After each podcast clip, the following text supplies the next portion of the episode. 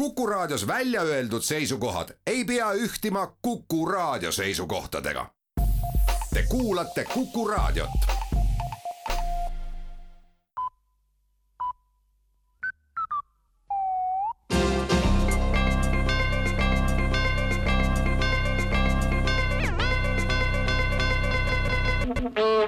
tere kuulama uudiseid stuudios Rohke Debelak.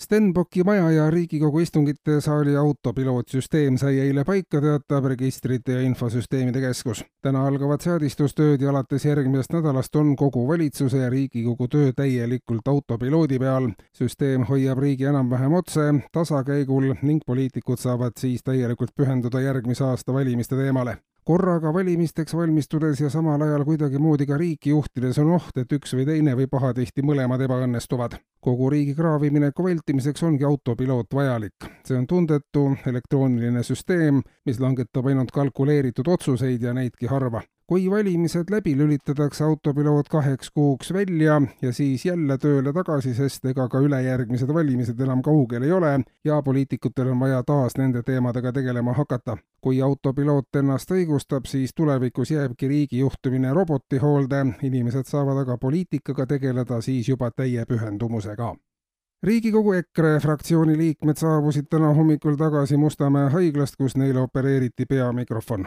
fraktsiooni pressiteate sõnul oli tegemist sundkäiguga, sest katsed demokraatiat lämmatada ja sõnavõttude ajal Riigikogu saadikute mikrofone välja lülitada kahjuks sagenevad.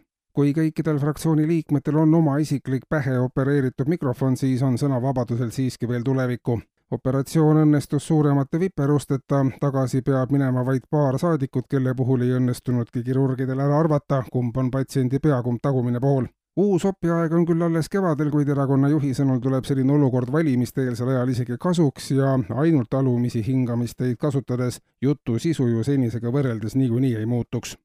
valitsus aga otsustas Töötukassa kõrvalpealselt ellu kutsuda ka Töötajakassa. Kui Töötukassast saavad vajadusel toetust töö kaotanud inimesed, siis Töötajakassast hakatakse toetama puudust kannatavaid tööinimesi, see tähendab inimesi, kes küll kogu aeg töötavad, aga ikkagi on kitsikuses töötuks jäänud inimeste kõrval on päev-päevalt üha raskemas seisus ka need inimesed, kellel tööd on ja mitte vähe ning just nende abistamiseks Töötajakassa luuaksegi, märgib valitsuse teade.